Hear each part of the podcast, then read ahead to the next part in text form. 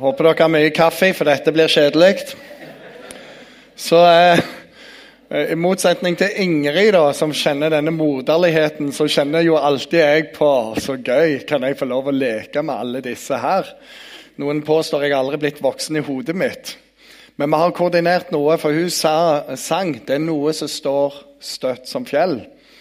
Og jeg skal tale i dag om fjellstøtt, så det passer veldig godt. Og det er sånn at I Matteus evangelium kapittel 5, 6 og 7 så er det det vi kaller bergprekenen. Kanskje det mest kjente av alt Jesus sa, står der. Gandhi sa det er det beste jeg noen gang har lest. Og hvis folk kunne leve etter det, så hadde det blitt ganske så bra her i verden. Og han leste det ganske så ofte. Teologer i verden over elsker dette. Noen av de fremste sier hadde folk forstått hva som står, og anvendt det, så hadde det blitt veldig bra. Men det er ganske mye som lett blir misforstått og mistolka, og dermed så blir det veldig dårlig. Det var en som sa 'poor theology is poor living'. Dårlig teologi det blir et dårlig liv. Og, og det er sånn når dette ikke helt henger i sammen. Men jeg vet ikke om du noen gang har eh, sittet på en tale der taleren sa noen sannhetens ord og noe om livet som kanskje noen burde fikse på. Og så tenker du å, det burde den ha hørt. Og så er det alltid noen andre som bør høre den talen enn du sjøl. Eh, ingen andre enn meg som har tenkt det. Problemet er at når de andre hører på en annen tale med noen som moralske og etiske ting, så sitter de og tenker at du burde hørt den. Eller du har kanskje møtt på disse som bare er litt sånn busne. De bare sier ting litt sånn hardt av og til, litt stygt av og til, eller litt sånn veldig kontant. Og sier får bare ta meg som den, som den jeg er. Jeg er bare meg sjøl. Og da er det jo alltid interessant hvis vi andre da velger å bare være oss sjøl tilbake igjen. Så er det jo de som tåler det minst. Det blir helt sånn og litt sånn ja, 'Det var jo voldsomt. Nei, kan jo ikke være sånn.' Så, ja, men du sa jo nettopp 'Du får bare ta meg som jeg er'. Og da får vel du òg ta meg som jeg er. Men det er ikke den samme dealen. Det er forskjell på når de bare sier sitt, og når du kommer med ditt. Så det må du aldri gjøre. Eh, jeg er veldig glad i fotball. Jeg har hatt utrolig mange dårlige år fordi jeg kommer fra Bryne. Eh, og I tillegg så liker jeg Liverpool veldig godt, så det har vært liksom 20 år med sorg og elendighet og mye forbønn, og ingenting hjelper. Himmelen sier bare nei, og Bryne går lenger og lenger ned i søla. Men det er noe interessant med fotball. For det er alltid dommeren sin feil at du taper en kamp. Det er litt sånn der han eh, kommer en kamp, og så blir resultatet 8-0 til de andre. Men det er dommeren sin feil. For midt i kampen der så var det innkast som han blåste til det andre laget. Det var egentlig vårs. Og Det er sånn bare sånn utrolig evne vi har til å finne noe annet, for det kan umulig være noe med oss. Teksten i dag er hentet fra Matteus 7, og han begynner sånn Døm ikke. Takk for den. For at dere selv ikke skal bli dømt. For dere skal dømmes etter den dom dere feller over andre, og det skal måles opp for dere i det målet dere selv bruker. Yes, Og allerede nå så angrer jeg på at jeg kom til Misjonskirka, men jeg fikk i hvert fall gratis kaffe. Hvorfor ser du flisen i din brors øye, men bjelken i ditt eget øye legger du ikke merke til? Eller hvordan kan du si til din bror, la meg ta flisen ut av øyet ditt, når det er en bjelke i ditt eget? Din hykler. Ta først bjelken ut av ditt eget øye. Da først vil du se klart og kan ta flisen ut av din brors øye. Gi ikke hundene det hellige, og kast ikke deres perler for svin. De vil bare trampe dem ned, vende seg mot dere og rive dere i stykker. Og amen! Det var jo en fantastisk tekst å begynne en ellers så bra formiddag med regnvær og alt vi trenger. Men her er litt av greia. Det som mange da har misforstått, er at vi aldri skal mene noe om noen ting. Vi skal ikke dømme noen. Og det er det verste. Og hvis du hører en som sier noe kritisk, så kommer det med en gang ah, ah, Det står i Bibelen at vi ikke skal dømme noen. Men da har jo du allerede dømt den som dømte en annen, og da er det jo ganske vanskelig, dette her. Så greia er jo ikke at vi ikke skal mene noe, ikke skal bry oss noe, men det ligger noe annet, og vi kommer inn til det. Men det var en komiker som sa det er veldig interessant i Matteus 7. For i Matteus 5 så er det veldig sånn kronologisk, lett å følge. Matteus 6 veldig kronologisk, lett å følge. Kap kapittel 7 så ser det ut som det i hytt og pinevær. Det bare hever inn der. Så da, når du begynner bare å komprimere noen ting, så ser du at det, ja, det kan være de mener noe annet. For eksempel når det står i vers 6 om hunder og svin, så refereres ikke det til dyr. Jesus sier at noe menneske er som løshunder. Og han sier noe menneske er som svin. Og Det er jo ikke veldig bra. Og For jøder å bli kalt svin det er det verste, for det var ureine dyr. Så hvis vi da bare komprimerer teksten, så ville det vært sånn Døm ikke for at dere ikke skal bli dømt. Gi ikke hundene det hellige, og kast ikke perler for svin. Så døm ikke hundene, og døm ikke svina. Det er det han sier, sant? Og da, Hva er det han mener her? For det er jo å være rimelig dømmende. Og Jesus går mye lenger. En gang når han møter de religiøse lederne, så kaller han de hvitkalka graver. Det vil jo jeg si å dømme folk. Å sette en etikett. Han kaller de for ormeyngel. Det er ikke særlig bra. Så hva er det han egentlig mener her? For det er tydeligvis ikke at vi ikke skal mene noen ting. Greia med Jesus at han hater religiøsitet. Noe så inderlig så hater Jesus religiøsitet. De som var skriftlærde, de som var fariseere, de måtte holde over 600 påbud og forbud. 600.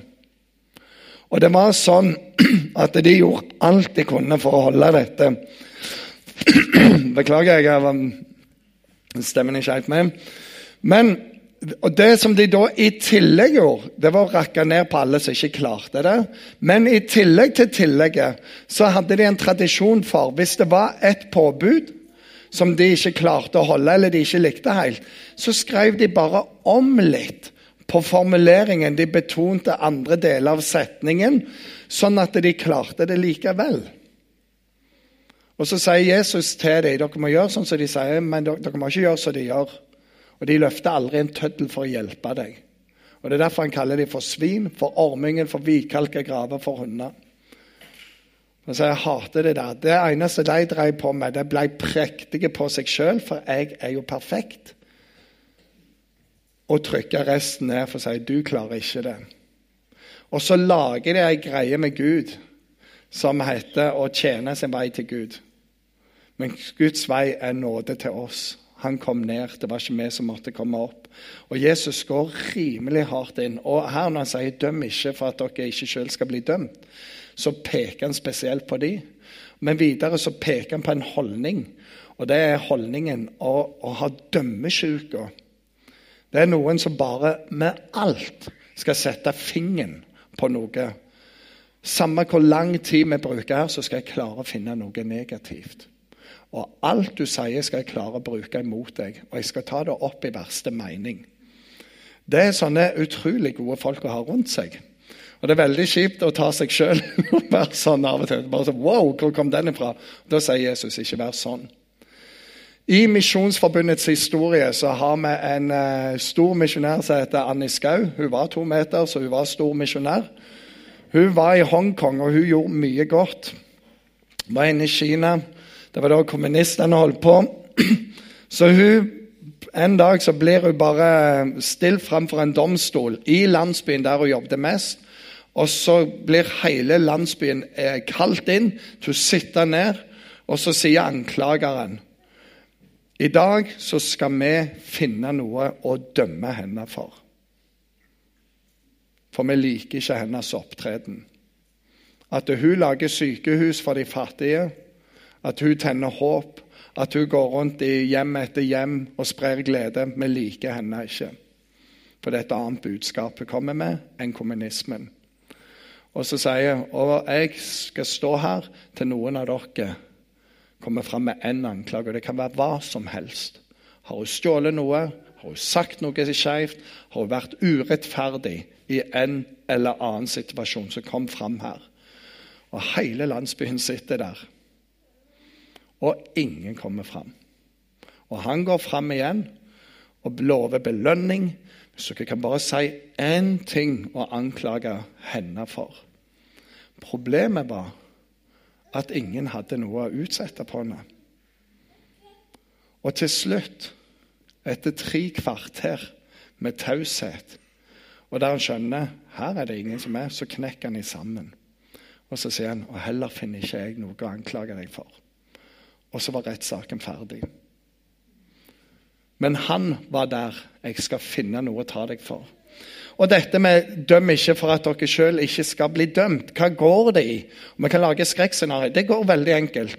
Husker Jeg jeg har spilt mye og sunget mye. og man sier Det er utrolig kvalitet her. Men det som kan være, det er at av og til dukker det noen opp som jeg kaller musikkpolitiet. Jeg vet ikke om du har hørt om musikkpolitiet, men de sitter der. De er gjerne musikere eller sangere sjøl, men de, finner, de sitter og ser om, om du gjør noe feil.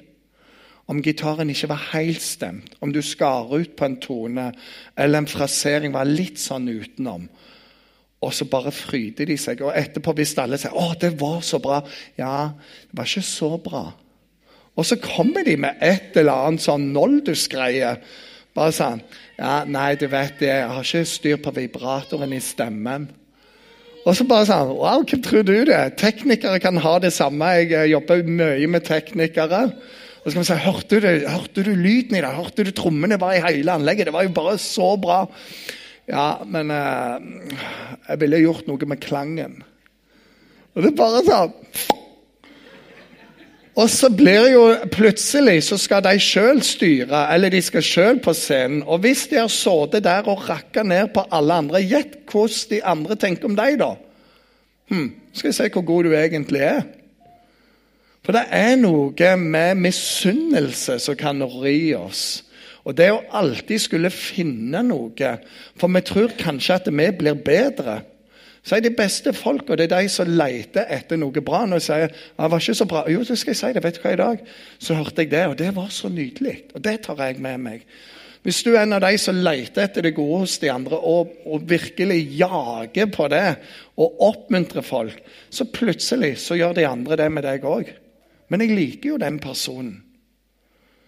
Når du er negativ, når du er sur, så begynner folk å lete etter muligheter å ta deg.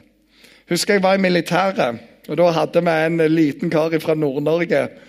Og all makt han hadde, de hadde han på skuldrene med stjernene sine. Og det var det han visste òg. Det var ingen som lyttet til ham hvis han ikke hadde noe her på. Vet du. Han var jo liten, han var jo sped og hadde en sånn stemme. vet du. Så når han var i militæret, så var det sånn Nå må dere høre etter! Og dere må gjøre som jeg sier! Og alle holdt bare sånn? Og så måtte vi ikke Å, det blir 120 armhevinger rett nå! Eller så er det rett i kasjotten! For han hadde jo sånne på det her. Så var det jo en gang da at vi var på en øvelse. Dette var Vatneleiren av alle ting. Og det var sånn herlig regnfullt. Det var oversvømt overalt. Og så skulle han være litt kul og springe rundt med løskrutt. Så fikk noen se han. Og så ser de han plutselig så dumper han ut i ei myr, og, bare, og da kommer de 'Holdt!' Og han er jo, eh, han sto jo der langt nedi. Og der lot de han stå i et kvarter, 20 minutter. Bare på pur. Og hvorfor? Han hadde meldt sin egen kake. Sant? Og de lo jo hele veien. Og det er den. Når du setter fingeren på alt hos alle andre, så vil folk elske å sette fingeren på deg. Og Det er din egen fortjeneste. Og det er det han sier. Det skal måles opp etter det du måler de andre opp. Og la meg bare presisere, Vi snakker ikke om billig nåde. At Da skal jeg unngå å si noe i tilfelle det. Nei, det er ikke det vi snakker om. For nåden var aldri billig. Nåden er gratis, men den koster en far sin sønn. Og det koster en person tortur, svik og alenehet. Det koster Jesus alt. Så nåden blir aldri billig, men den er gratis. Så må vi aldri redusere de perspektivene. Men det har noe om en holdning Og det er det Jesus sier. Vær ikke dømmesyke på folk. Og En annen plass så står det fell den dom at ingen skal få sin bror til å snuble. Det er en helt annen holdning. Når vi ser det går galt, så er vi ikke inne der for å ta dem, men for å hjelpe dem. Og Det er da vi kommer til det neste avsnittet, herrene. Eh, hvorfor ser du flisen i din brors øye, men bjelken i ditt eget legger du ikke merke til? Og Jeg sliter alltid med dette bibelverset, for jeg er vokst opp med Oluf. Husker du han Oluf? Og Han siterte dette nesten riktig. Jaså, du ser flisen i bjelka, men din bror tør du ikke se i øyet. Altså det, det, det jeg klarer å huske fra dette her bibelverset her. Og det er egentlig veldig bra. Eh, på Sørlandet så har vi kost oss en del over politikere. og Det er ikke mot noe spesielt parti, for dette skjer i alle parti. Denne inkonsekvente greia. Vi hadde ei som mente at eh, det skulle være miljødag i sentrum alltid. Hver eneste dag skulle være miljødag. Ingen burde reise inn. To dager etterpå så tar de jo henne inn i sentrum med bil og kjører rundt omkring. Men som hun sa, ja, men jeg og hun bor veldig nærme sentrum. Hun kunne ha gått på ti minutter ned. Så var det sånn Men du av alle som profilerer Ja, men jeg har jo et barn å levere i barnehagen. Og det, må, det er annerledes. Det er helt annet. Det er ikke det vi snakker om. Nei, for det er ingen andre som har et barn å levere i sentrum. Og det er ingen andre som bare kommer med en varetransport. Og det er ingen andre som bare har Det er kun hun som hadde det, men det skulle være bilfritt unntatt hun som måtte levere et barn. Vi hadde òg eh, Arbeiderpartiet som gikk veldig ut mot deltidsstillinger. Det er det verste i hele verden. Deltidsstillinger. Ingen skal jobbe deltid. Alle skal få fulltid. Rett etterpå lyser de ut 20% deltidsstilling som partisekretær nede i krysset. Og det sånn, ja, nei, det er annerledes. Det er helt annerledes. For vi har tenkt at det skal bli en full stilling etter hvert. Ingen andre tenker den tanken. Det er annerledes. Og det er bare litt sånn Flis og bjelke, hvor er du? Og vi har eh, ganske mange av disse Nei, men det er på fritida. Og vi har jo her òg I regjering så vedtar vi bompengering, men jeg skal gå privat i tog mot dette. Men du har nettopp sittet og vedtatt dette, og så skal du demonstrere mot deg sjøl. Nei, men nei, men det er annerledes. Det er de andre partiene sin feil. Så nå skal jeg vise hva vi står for. Du er jo regjering, du kan vise det hele. Nei, det er annerledes. Og det er, så Vi har det litt festlig. og jeg, Egentlig det har ingenting med noen parti å gjøre. Det har noe med hvor inkonsekvent vi er. Og hvor lett vi skal ta alle andre uten at det har noe med oss å gjøre. Og så kan jeg si, Alle disse har jo det fra Bibelen. Det er ikke noe de har kommet på sjøl. Med en gang Gud skaper mennesket, så det er veldig bra. Og så tenker jeg nå skal jeg gjøre det veldig veldig bra. Sant? Så Adam, og så blir det Eva. Og så, og så skjer det et lite syndefall. Som bitte lite et. Og så kommer Gud til Adam og sier, hva er det du har gjort? Det er ikke meg. Det er kvinnen som du ga meg. Hun og du. Det er dere to. Jeg er bare et offer, herrene. Tilfeldigvis så sto der du må jo bare gjøre det. Happy wife, happy life. Det har du sjøl sagt. Så det er ikke noe med meg å gjøre. sant? Det begynner så dårlig. Og kvinner sier hva du har gjort. Å, det er ikke meg. Det var en slange her. Jeg var bare helt sånn blenda i øynene av den slangen. Og begynner med unnskyldninger. Har ingenting med meg å gjøre. Senere blar noen kapitler fram, så kommer du til Kain og Abel. Og du lurer alltid på hvem drepte hvem. Og da må du tenke tysk. Kain og Abel. Da har du det. sant? Ingen Abel igjen. Kain drepte Abel. Det er så lett. Bibelen har så mange sånne tråder der. Og Gud kommer til Kain etterpå og spør hvor er Abel. Så, Kain Abel. Så sier han hva tar meg for? Jeg skal jo ikke vokte på han hele tida. Så, så lager unnskyldninger.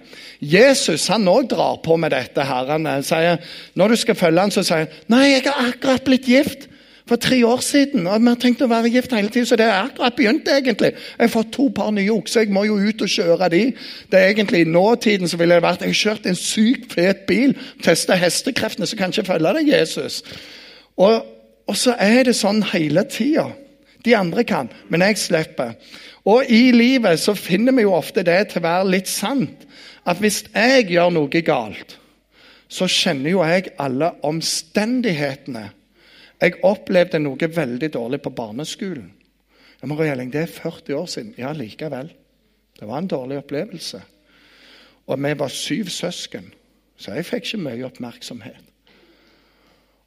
Og jeg fikk aldri spille på Bryne, men det gjorde broren min. Og så lager jeg alle disse unnskyldningene for meg sjøl. Så når jeg gjør noe dårlig, så får jeg kanskje ett minuspoeng hvis jeg får det. For det er mye nåde rundt de omstendighetene. Men hvis du gjør noe dårlig mot meg, så får du minimum to.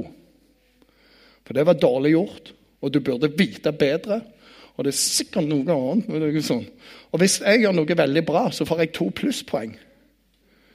For det var jo veldig bra gjort. Jeg hadde ikke trengt å gjøre det, men jeg valgte å gjøre det. Og du ble glad. Men hvis du gjør noe bra med meg, så får du kanskje ett plusspoeng. Det var jo bra gjort. Og vi har litt sånn at vi unnskylder oss og premierer oss, og så gjør vi gjerne litt motsatt med de andre. Og Det Jesus går inn på her, det er Det kan ikke være sånn. Noe av det som vi som er foreldre vi, vi kan merke dette mest når ungene våre begynner med ord og uttrykk som vi reagerer på. 'Din unge, du må ikke si sånn.' Så ja, Far min sier jo det alltid. Bare, oh, og så kan du ikke ta dem, selv om barn bør vite at du ikke hermer etter foreldrene. For Det eneste måten å få dem til å slutte på, det er at jeg sjøl slutter med det. De speiler jo bare oss av og til. Og Det er så lett å se den flisen hos min sønn. Men bjelken er jo der, og han har jo bare tatt en liten flis ut av meg og prøver å være like kul som meg. Og det er ikke bra. Og Jesus sier når en blind skal lede en blind, så feller begge i grøfta. Det er ikke alltid kjekt, det Jesus sier. Vi har en av de største kirkelederne de siste 40 år. Han ble nylig avsatt i USA. Skrevet masse bøker, har gitt utrolig mye bra. Og så begynte de å rulle opp en del ting som ikke er bra. Hvilket gjør at alt det han har skrevet, alt det han har gjort, det bare kastes av hyller og sånn. Vi er veldig gode sånn er kristne. Det er liksom bare alt ut. Ja, Vi har fortsatt skrevet mye bra, men liv og lære hang ikke sammen på en del ting. Og så skriver en i etterkant av dette hvor lett det er for oss å bare pff, Vi skal ta han. Og mene noe om ting vi ikke kan sette oss inn i. Og så sier han men faktum er at vi, når sånne ting skjer, trenger å ransake oss sjøl. Hvordan står det til med meg? Hvilke tilbøyeligheter har jeg i livet mitt? Hva er det jeg unnskylder i mitt eget liv? Hvor er det at jeg trenger å ta oppgjør, og ikke gjøre sånn som fariseerne og de skriftlærde, som bare omtolker budet litt, sånn at det gikk greit likevel? Men istedenfor å se og skyte på en annen, bare si OK, Herre, ransak mitt hjerte. For Jesus sier det når Gud får lov å jobbe med mitt, så kan jeg se klart, og så kan jeg hjelpe en annen. Og her er hele greia. Du ser ikke galt hos andre for å dømme dem, men for å ha et hjerte om å hjelpe. Fordi du vet hvor smertefullt det er sjøl. Og noe av det verste det er jo å ha det i øyet. Og du ønsker ikke at det er noen som er litt ustø på hånda, kommer der og skal hjelpe deg. Eller bare en lite pinsett. Jeg skal bare ta det ut. sant? Det er ikke sånn, det må være varsomt med en klut eller med noe saltvann eller andre ting. For det gjør så vondt. Og skaden kan være katastrofal hvis du gjør dette feil. Det var en som heter Peter. Han var Jesus sin beste venn. Han og Johannes krangler litt om det. Men han var den fremste av de Jesus hadde. Og før han fornekter Jesus, så vet Jesus at dette kommer til å skje. Så han tar han til side og sier han, du Peter, du kommer til å fornekte meg. Du kommer til å banne og steike på at du ikke vet hvem jeg er. Han blir helt sjokka av han. Og sier, Jesus, det kommer aldri til å være sånn. Jeg kommer alltid til å stå opp for deg. Så sier han, det kommer ikke til å være som Peter. Du kommer til å fornekte meg. Og Peter blir rasende på Jesus. Hva er det du sier for noe? Men Jesus visste at det sviket det ville være så stort. Og veien ville være så vanskelig for Peter tilbake igjen. Så han får bare kaste inn et ord der, og så sier Jesus når du en gang vender om, så skal du styrke brødrene dine. Når du en gang vender om, så skal du styrke brødrene. Og Jeg tror Jesus tenkte noe sånn Når du er i den mørkeste kjelleren, så du må ha noen håpstanker. Det må være noe som gir deg et litt håp. Timen kommer, Jesus blir henta. Peter fornekter så det koster etter. Jesus dør, han står opp igjen, og så samler han gjengen igjen. Og så drar han Peter til sides. Og så sier, sier, han til Peter Elsker du meg mer enn disse andre her? Og Det, det er så underlig med Jesus, for han sier aldri Du, Peter, hva var det jeg sa? Fikk jeg rett, eller? Død? Eller du, hva var det du tenkte med, eller? Han, han, sier, han går ikke inn på tematikken i det hele tatt, men bare bom! Elsker du meg mer enn de andre her, Peter? Og Peter klarer aldri å møte det.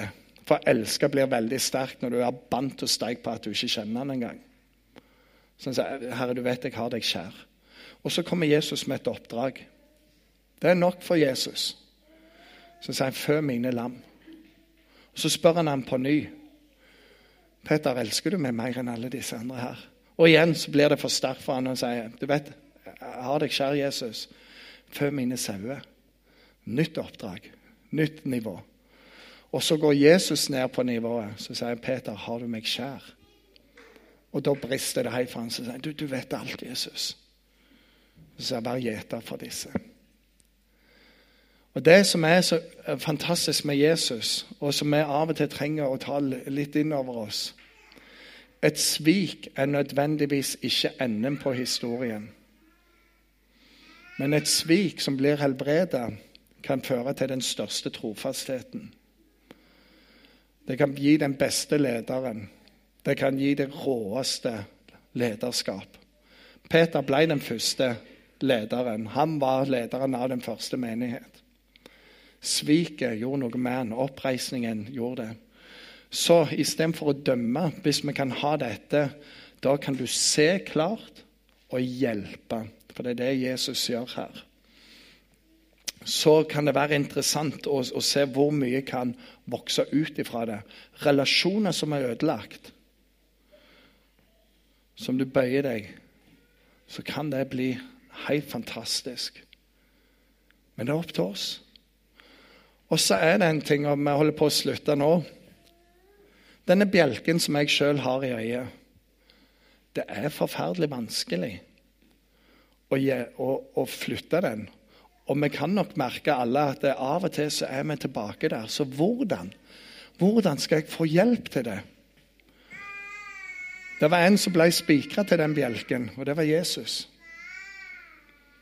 Han, Når han ble torturert, så gir de han en bjelke å gå med, men han var for svak, så de fikk en annen.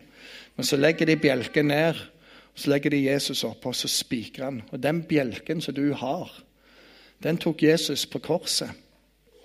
Han var spikra til den. Og der satte han deg fri. Det står dette i Jesaja 53. Men han ble såra for våre overtredelser, knust for våre misgjerninger.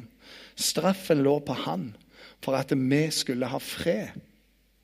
Og med hans sår så har vi fått legedom. Så den bjelken som er hos oss, som er vanskelig å gjøre noe med, den tok Jesus på korset. Og Det korset kalles òg forbannelsens tre. Og Det er alt det som er en forbannelse i livet. Han tok det der.